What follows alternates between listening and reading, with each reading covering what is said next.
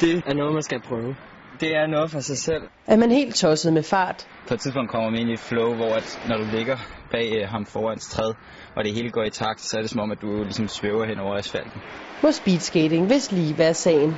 Her på den her bane, som er en nogenlunde hurtig vejbane på 400 meter, der kan vi nok komme op tæt på de 50 i en sprint. Her lægges der nemlig ikke fingre imellem, når først det går løs på banen. Og det er noget, der kan fremkalde følelser hos selv de tre mest erfarne speedskatere, Stefan Due Schmidt, Mikkel Højer og Lukas Hofstede. Når man ligger til konkurrence i et 50-mands stort felt, eller til maraton og sådan noget, så føler jeg, at der er et rigtig stort adrenalinkick.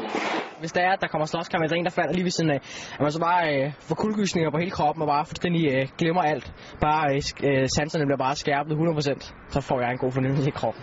Og de tre speedskatere, der er blandt Danmarks bedste, ved godt, hvorfor de er så draget af sporten. Det er helt klart farten for mig. Jeg synes, det fedeste ved speedskating, det er packkørslen, og det med at ligge i et felt med 40-50 mennesker.